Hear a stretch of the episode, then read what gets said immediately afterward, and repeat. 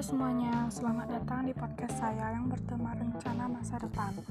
Sebelum kita menuju ke tema, ada baiknya saya perkenalkan dulu, oke? Okay? Perkenalkan nama saya Ica Mutra Storus dari Prodi Kimia, kelompok 91 dengan nama kelompok Aswakara. Saya maba 2021 di ITERA.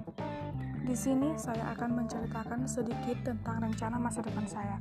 Kira-kira rencana depan saya itu apa sih? Kalian pada penasaran nggak? Oke, mari kita dengarkan bersama-sama apa itu rencana masa depan saya. Rencana masa depan saya itu yang pertama dan yang paling penting yaitu saya ingin membahagiakan kedua orang tua saya dengan pendidikan saya. Yang dimaksud pendidikan itu adalah saya ingin menyelesaikan kuliah saya itu tiga setengah tahun. Amin ya Tuhan, semoga aja lah ya kalau enggak ya empat tahun juga nggak apa-apa.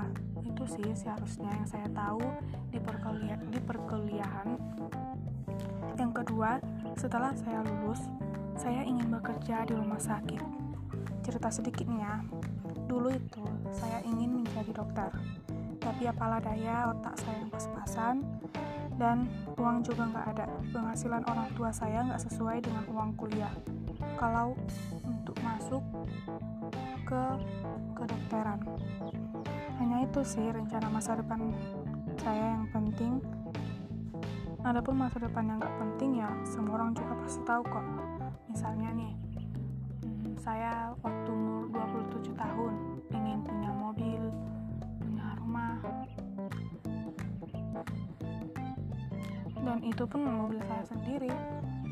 Semuanya pengen, bukan cuma saya. Setuju gak sih sama saya?